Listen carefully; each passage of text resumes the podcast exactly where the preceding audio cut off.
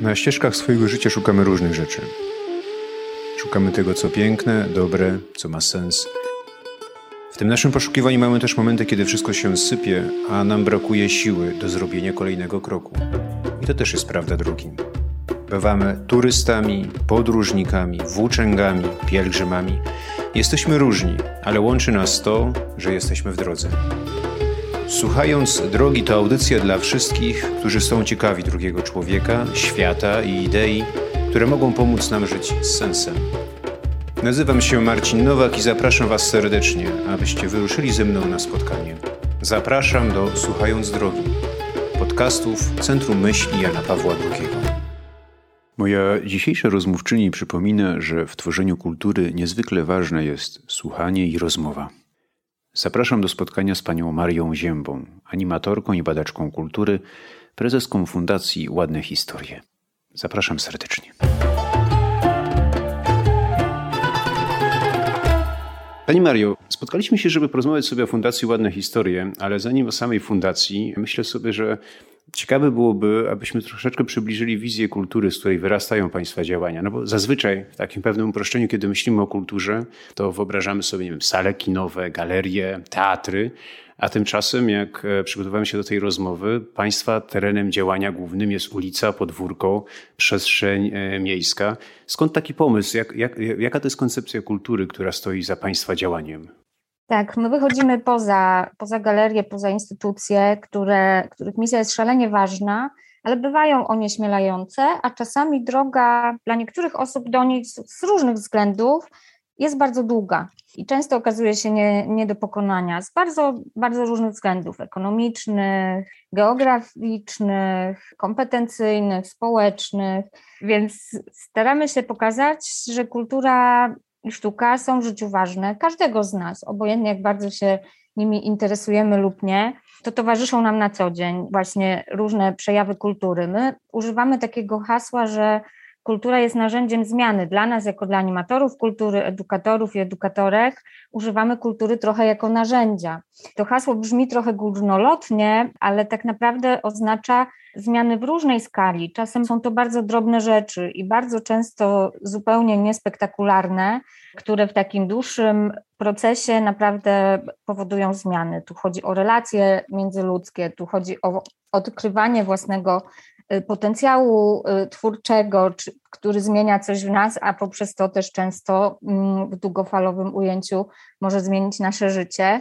Tutaj chodzi o wspólne zachwycanie się, doświadczanie i, i właśnie to jest taka kultura, która nam jest bliska. Świat jest różny, ludzie są różni, mają różne potrzeby, więc wydaje mi się ważne, żeby była i ta kultura w instytucjach i ją trzeba wspierać i rozwijać, ale też żeby była ta, która jest bliżej, gdzieś na podwórku, gdzieś za rogiem, taka, która sama trochę wychodzi, przychodzi po te osoby, które, które same po prostu y, do niej nie trafią.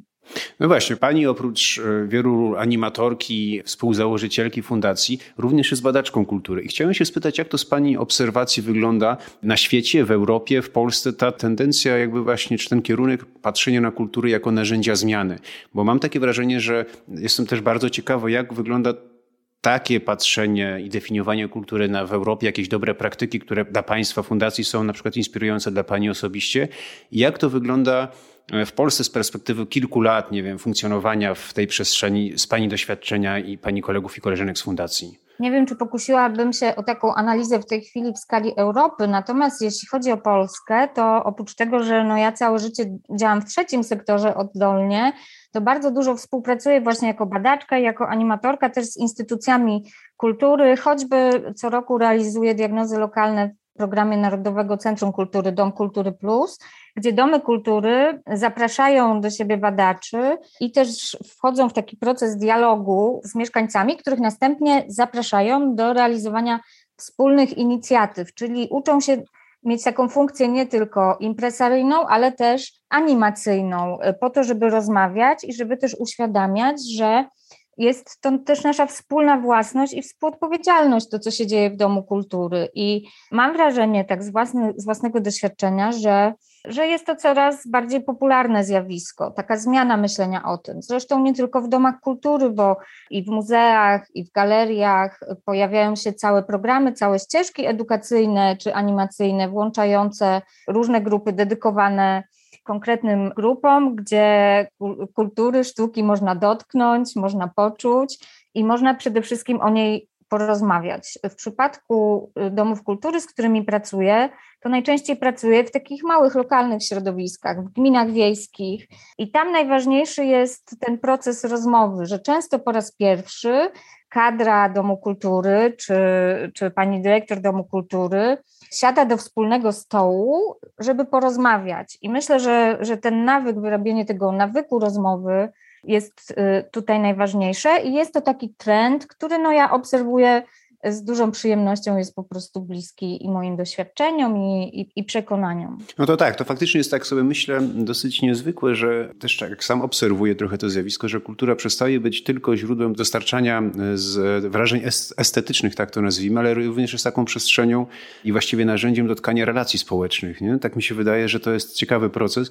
O tym chciałbym też jeszcze później porozmawiać e, z Panią, jeżeli Pani pozwoli, właśnie o tej relacji z odbiorcami, o odbudowaniu tej relacji, bo wiemy, że to jest jest niezwykle ważny proces, a wiem, że, że Fundacja e, ma niezwykle bogate doświadczenie w tym obszarze, więc chęcią byśmy wysłuchali, podpytali, jak to wygląda z Państwa perspektywy. Ale zanim do tego, to w ogóle prosiłbym też, już wiemy, jaka kultura stoi za Państwa działalnością, czy jakby za jakiej wyrastacie definicji kultury, postrzegania kultury, ale teraz może o samej fundacji. Jak to się wszystko zaczęło? Skąd w ogóle nazwa Ładne Historie? U nas jest trochę tak, że najpierw były nasze projekty, a później fundacja, bo na przykład Lato na podwórku, czyli nasz taki bardzo duży program, który w Świdnicy realizujemy, ma już 6 lat, a fundacja ma 5. Najpierw zaczęliśmy chodzić jako animatorzy na podwórka, zobaczyliśmy taką potrzebę, a wręcz rodzice nam zgłosili podczas pewnego pikniku taką potrzebę i tych wspólnych projektów, tych projektów, które wspólnie robiliśmy z przyjaciółmi, zrobiło się na tyle dużo, że postanowiliśmy wziąć za to większą odpowiedzialność i też zapewnić im jakąś trwałość i tak powstała fundacja. Nad nazwą, przyznam, trochę się głowiliśmy, ale w pewnym momencie doszliśmy do wniosku, i to też jest tak podszyte naszym doświadczeniem pracy w ogóle animatora kultury, czy pracy animatora społecznego, że bardzo łatwo jest popaść w takie frustracje, mierząc się z pełną skalą potrzeb, które się spotyka e, pracując z ludźmi. Chciałoby się, masz różne idee, zwłaszcza jak ludzie są młodzi, chciałoby się zmienić cały świat, a po prostu no, nie jest to możliwe. I co chwilę, ile byśmy nie zrobili, co chwilę spotkamy jakieś, jakieś problemy, jakieś potrzeby, na które nie będziemy potrafili już odpowiedzieć. I zdaliśmy sobie wtedy sprawę, rozmawiając o nazwie fundacji, że to, co jest potrzebne chyba w tych czasach, które są trudne, które nas bombardują coraz nowymi problemami, ale też dostęp do informacji sprawia, że po prostu to, to wszystko się kumuluje, to jest to, że ludzie potrzebują takich prostych, dobrych historii czasami. To jest coś, co nam pomaga, takich o robieniu rzeczy razem, takich o tym, że któreś podwórko na naszym osiedlu się zmieni, nie wszystkie naraz, ale już na jednym coś się zacznie, być może uda się to z czasem zrobić.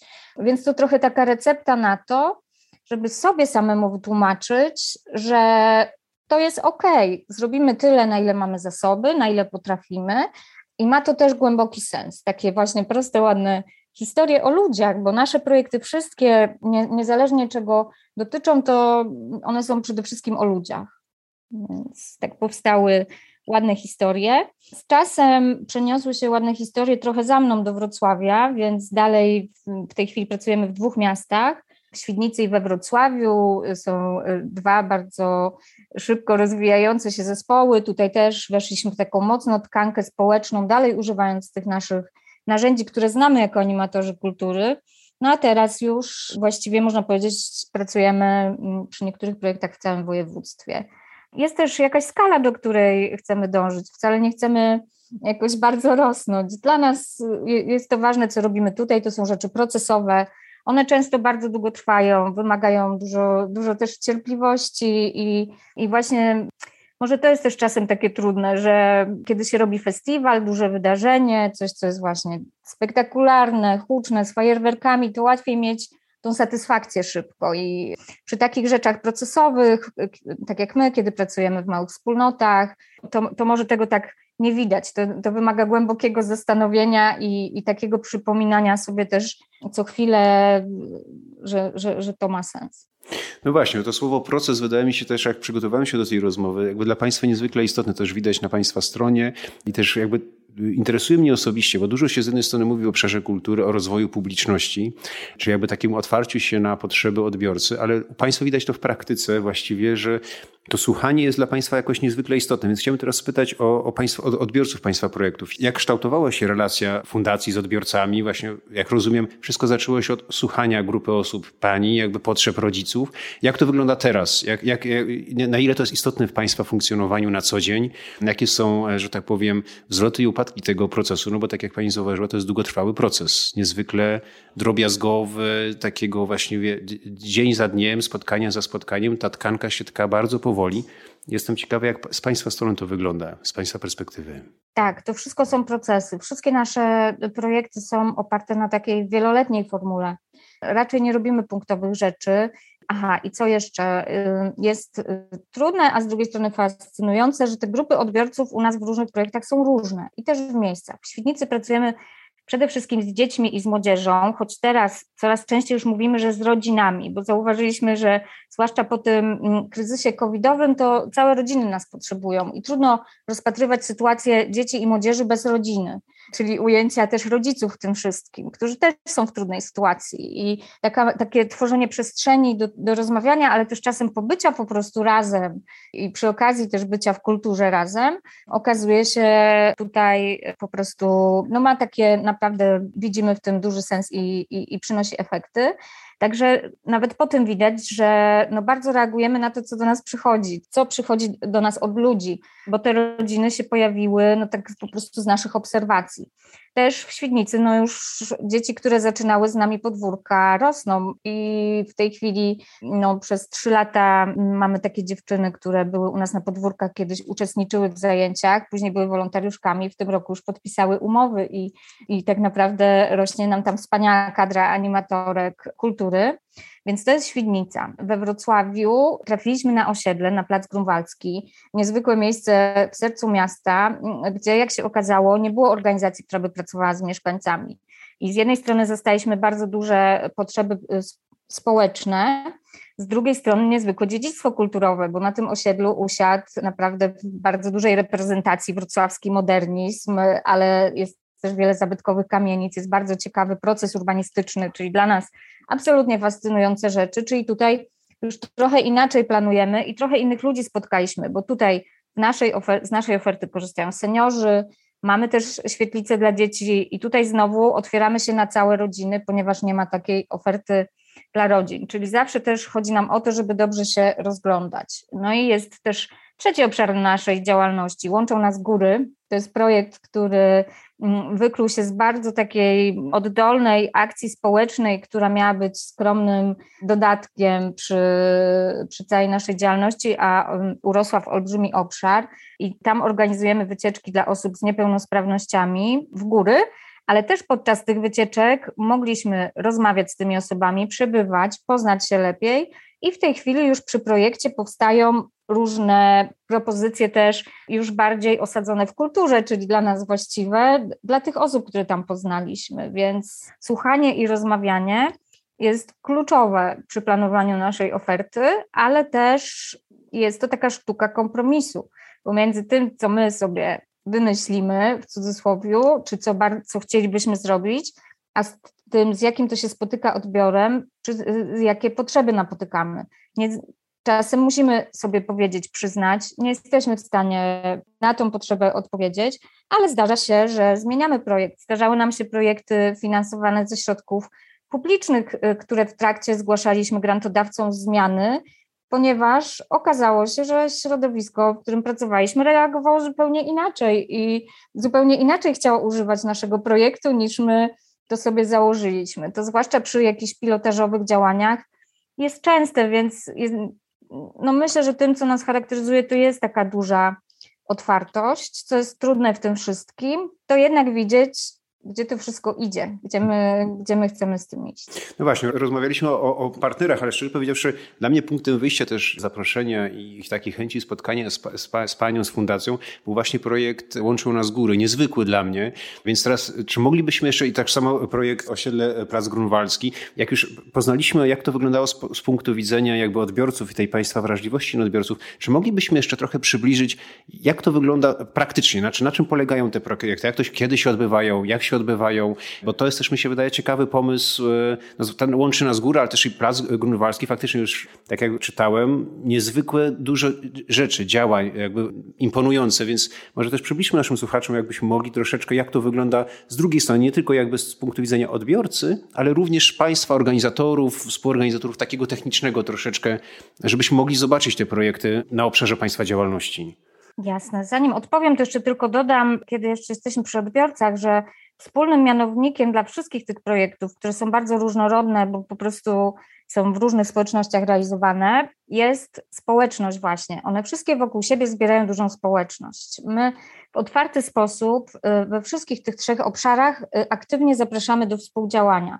I przy każdym z tych projektów jest duże grono partnerów, bardzo różnych, od instytucji miejskich, regionalnych, innych organizacji, firm, osób, które się chcą przyłączyć. Przy każdym rozwijamy program wolontariacki i to jest ich dużą wartością, że my tworzymy wokół nich społeczność, którą zapraszamy do współodpowiedzialności, co nam też jest trochę takim lekarstwem na trwałość, żeby im zapewnić jak, jakąś trwałość i też ostatnie czasy pokazały, że pomaga to przetrwać nie jeden kryzys, ale też zachęcamy odbiorców do tego. Przylecie na podwórku w Świdnicy co roku jest tak, naszym hasłem jest zrób z nami lato, czyli przyłącz się, przyjdź, możesz poprowadzić jakieś zajęcia, możesz nam coś podarować, możesz sam zaproponować coś do naszego programu i będzie nas więcej, tym więcej się wydarzy. Tak samo jest na Placu Grunwaldzkim, gdzie zainicjowaliśmy od razu partnerstwo lokalne, gdzie raz w miesiącu spotykają się i partnerzy z całego osiedla i lokalni aktywiści, żeby rozmawiać i robimy wspólnie rzeczy.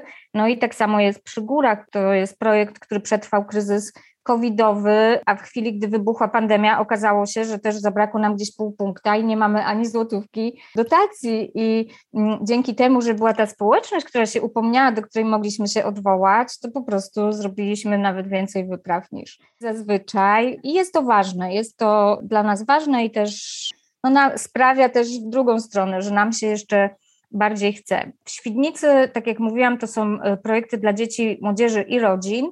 Kiedyś to było sezonowe i dalej lato na podwórku jest największym przedsięwzięciem. To jest 50 dni zajęć przez całe wakacje, codziennie na jakimś podwórku odbywają się zajęcia. Tworzymy autorskie materiały edukacyjne. Każdy rok ma swój temat. W zeszłym roku był on bardzo ważny, to były prawa dziecka. W tym roku jest to beztroska, ale to bez w nawiasie. I trochę się odwołuje do tego, żeby o siebie zadbać, też w tym czasie po pandemii i trochę to jest takie wołanie też o to, halo, ktoś tu ma dzieciństwo, wiemy, że jest pandemia, że jest wojna, ale tutaj po prostu jest czyjeś dzieciństwo, ono się już nie powtórzy więcej, więc musimy o nie wspólnie zawalczyć ale też udało nam się już wyjść z tej sezonowości i poza sezonem letnim odbywają się po prostu całoroczne takie zajęcia świetlicowe i różne aktywności, które w tej chwili już zaczynamy nazywać, spinać takim szyldem otwarta pracownia. I to jest Świdnica, tam z czego jesteśmy też dumni, to, to właśnie z tego, że rozwinęliśmy własne kadry, takie edukatorek, animatorek, no są to akurat w większości kobiety, więc to jest bardzo cenny taki zasób i cieszymy się, że pracują przy tym projekcie ludzie, którzy są ze Świdnicy.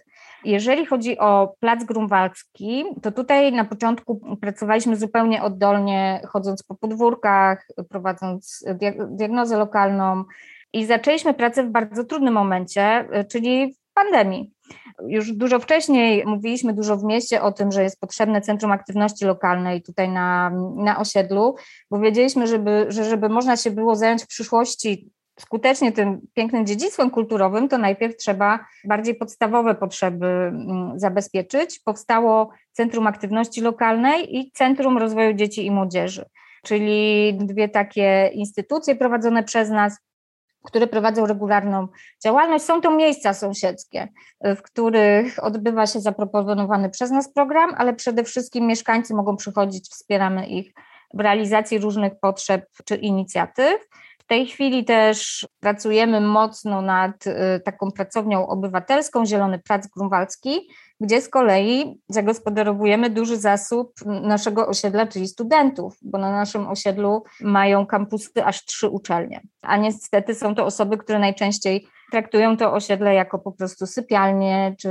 czy miejsce, gdzie się tylko chodzi do szkoły, więc staramy się tę, grupę tak jakoś mądrze zagospodarować i będziemy wspólnie wypracowywać zielone rozwiązania do WBO. Więc tutaj bardzo pracujemy w takiej tkance obywatelskiej. No i łączą nas góry, czyli właśnie taki projekt, w ramach którego, który na początku w ogóle myśleliśmy, że będzie dzieci, dla dzieci niepełnosprawnych, Idea była prosta. Zakupiliśmy specjalny sprzęt i chcieliśmy się podzielić naszą miłością do gór, do, do tego, że żyjemy w miejscu, gdzie, gdzie w ciągu godziny czy dwóch można się znaleźć w Sudetach i zaczęliśmy organizować takie wycieczki, przy których pomagali nam wolontariusze właśnie. I też szybko się przekonaliśmy, że zupełnie inny jest odbiorca niż my przypuszczaliśmy, że to nie dzieci, tylko w ogóle osoby i nie tylko niechodzące, ale z różnymi niepełnosprawnościami.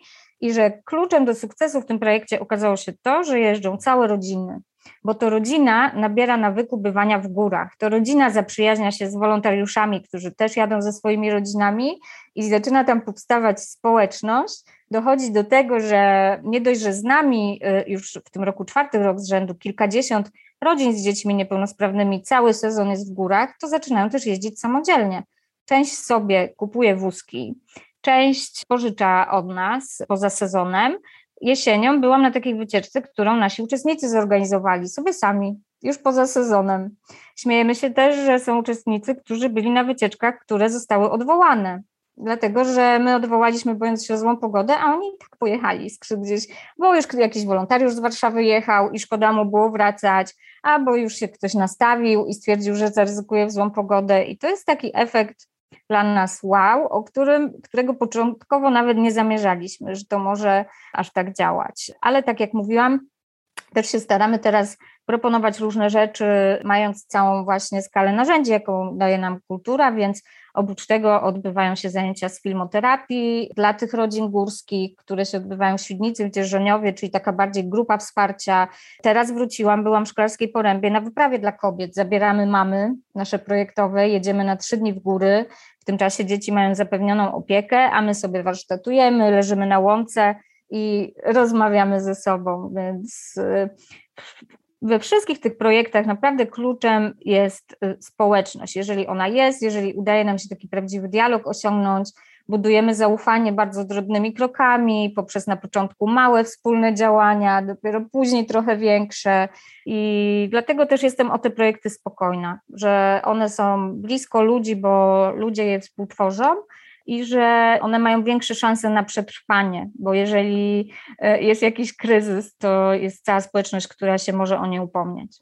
Imponujące, szczerze powiedziawszy. Mnie zaciekawiła, oprócz taka rzecz, która mi się zapaliła oczy, wolontariusz z Warszawy. Czy ja rozumiem, że pomimo tego, że Państwo działacie we Wrocławiu i, i w Świdnicy, to również macie wolontariusze, rozumiem, że w tym projekcie, również z innych miast. Czy ja dobrze zrozumiałem, że to nie było jakieś przejęzyczenie, że jechał wolontariusz z Warszawy. W tym projekcie, rozumiem, można się też e, z całej Polski właściwie do Państwa się jakoś odezwać i pomóc Wam w tym projekcie. Akurat przy górach faktycznie tam już jest ponad 200 wolontariuszy i wolontariuszek i przyjeżdżają osoby, jest trochę wolontariuszy z Warszawy, nawet mieliśmy wolontariuszkę z Gdańska z Łodzi, ze Śląska, no oczywiście najwięcej z Dolnego Śląska.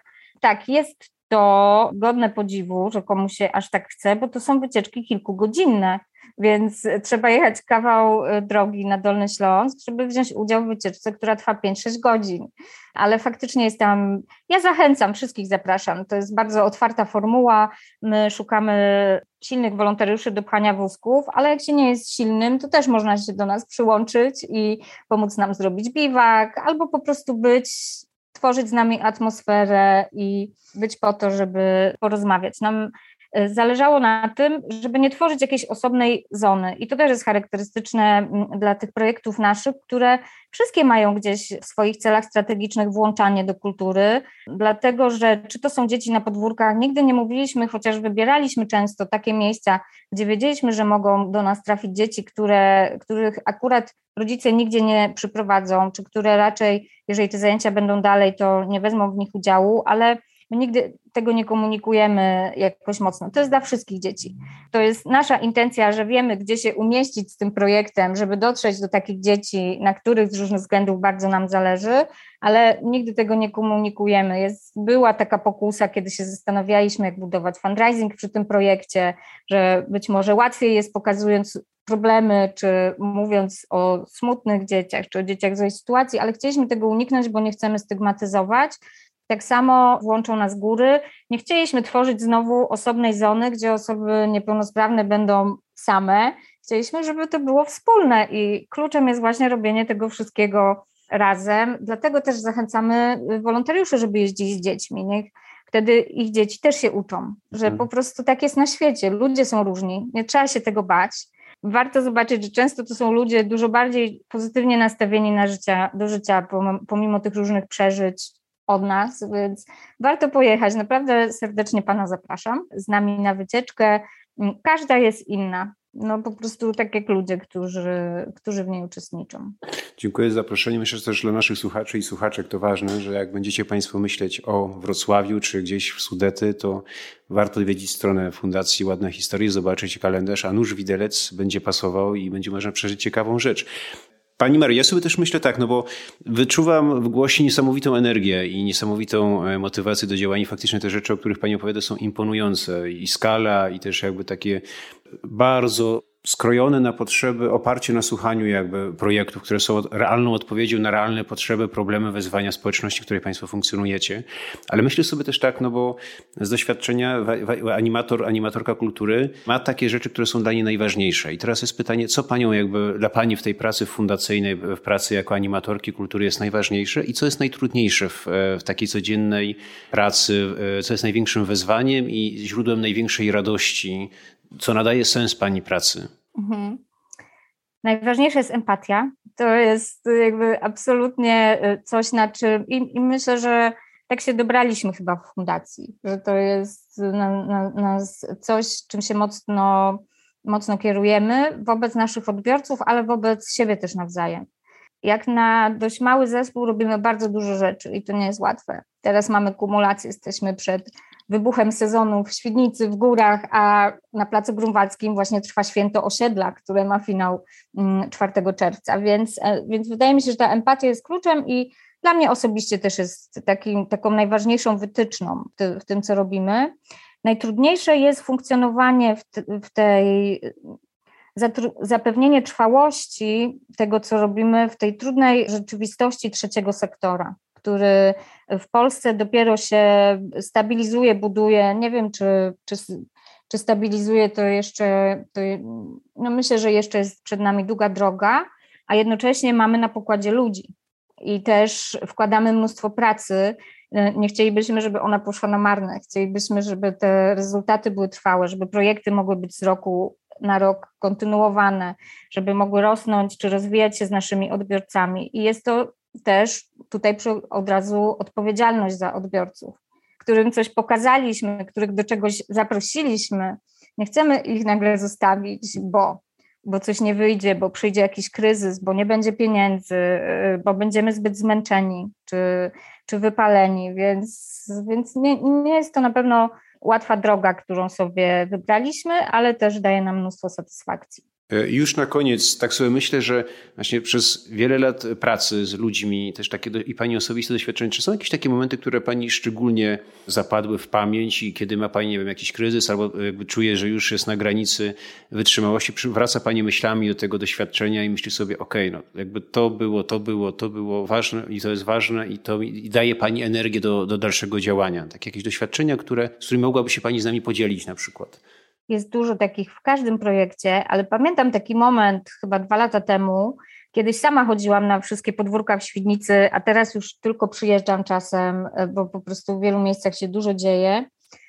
I tak przyjechałam któregoś dnia na zajęcia, mieliśmy na osiedlu Zarzecze w Świdnicy wtedy, usiadłam sobie po środku, rozejrzałam się wokół, zobaczyłam te wszystkie dzieci, które akurat część miała zajęcia tańca, a młodsze dzieci coś robiły na huście animacyjnej. Zobaczyłam tych wszystkich rodziców rozmawiających ze sobą, nasze animatorki. Mm, I tak sobie pomyślałam, że to jest taka przestrzeń, że stworzyliśmy tam taką przestrzeń, że po prostu właśnie tak to sobie gdzieś kiedyś wymarzyliśmy, że to, to nie jest fizyczna przestrzeń, ale to jest taka przestrzeń, w której ludzie się po prostu dobrze czują, ciągną do niej, czują się u siebie, mogą się rozwijać i, i to jest taki moment, który sobie często przypominam, tak mi mocno zapadł w pamięć, że tak poczułam, że, że to naprawdę nam wyszło. Jakie teraz wyzwania przed fundacją? Na przykład już mówiła trochę Pani o tym, że jakby startujecie z, z przytupem, z programem, ale coś jeszcze jest takiego, przed czym Państwo stoicie jako fundacja, że moglibyśmy życzyć Państwu sukcesów i trzymać kciuki? E, jakieś takie wąskie gardła albo wyzwania e, w Państwa pracy? No, mamy w tym roku pięciolecie jesteśmy w takim momencie, który daliśmy sobie, żeby wrócić do tego, y, o czym, co sobie zapisaliśmy na początku, w trochę, w trochę innej konfiguracji, trochę dopiero marząc, a nie wiedząc jeszcze, co nas spotka, więc jesteśmy w takim procesie rozmawiania teraz o naszej misji, o naszych wartościach i o tym, co będzie dalej. Jest to szalenie ciekawe, ale nie jest też łatwe fundację tworzy już w tej chwili dużo osób, więc to jest taki proces y, bardzo ciekawy y, dla mnie, który jest też wyzwaniem dużym. A czego nam można życzyć? Chyba tego, żeby dalej nasze marzenia się, się mogły spełniać tak jak do tej, do, do tej pory. I, mm, I też mam nadzieję i mam takie poczucie, że, że nie tylko nasze, że trochę to jest takie narzędzie, fundacje traktujemy jako takie narzędzie do, spełniania marzeń i w tym wszystkim bardzo nam kultura, kultura pomaga właśnie. Bardzo dziękuję. To życzymy w takim razie siły e, i takiej energii i, i, i, mądrej drogi do tego, żeby te marzenia osiągać i je realizować i, i patrzeć na kulturę nie, nieprzerwanie jako narzędzie, które pomaga budować relacje, tkać e, więzi, tworzyć wspólnotę. Bardzo Pani dziękuję za rozmowę, za Pani czas i za podzielenie się swoim doświadczeniem. Zapraszam na, na Dolny Śląsk, do Świdnicy, do Wrocławia, no i przede wszystkim w góry. My też pod tym apelem się podpisujemy. Góry zawsze warto odwiedzać. Bardzo dziękuję Pani Mario.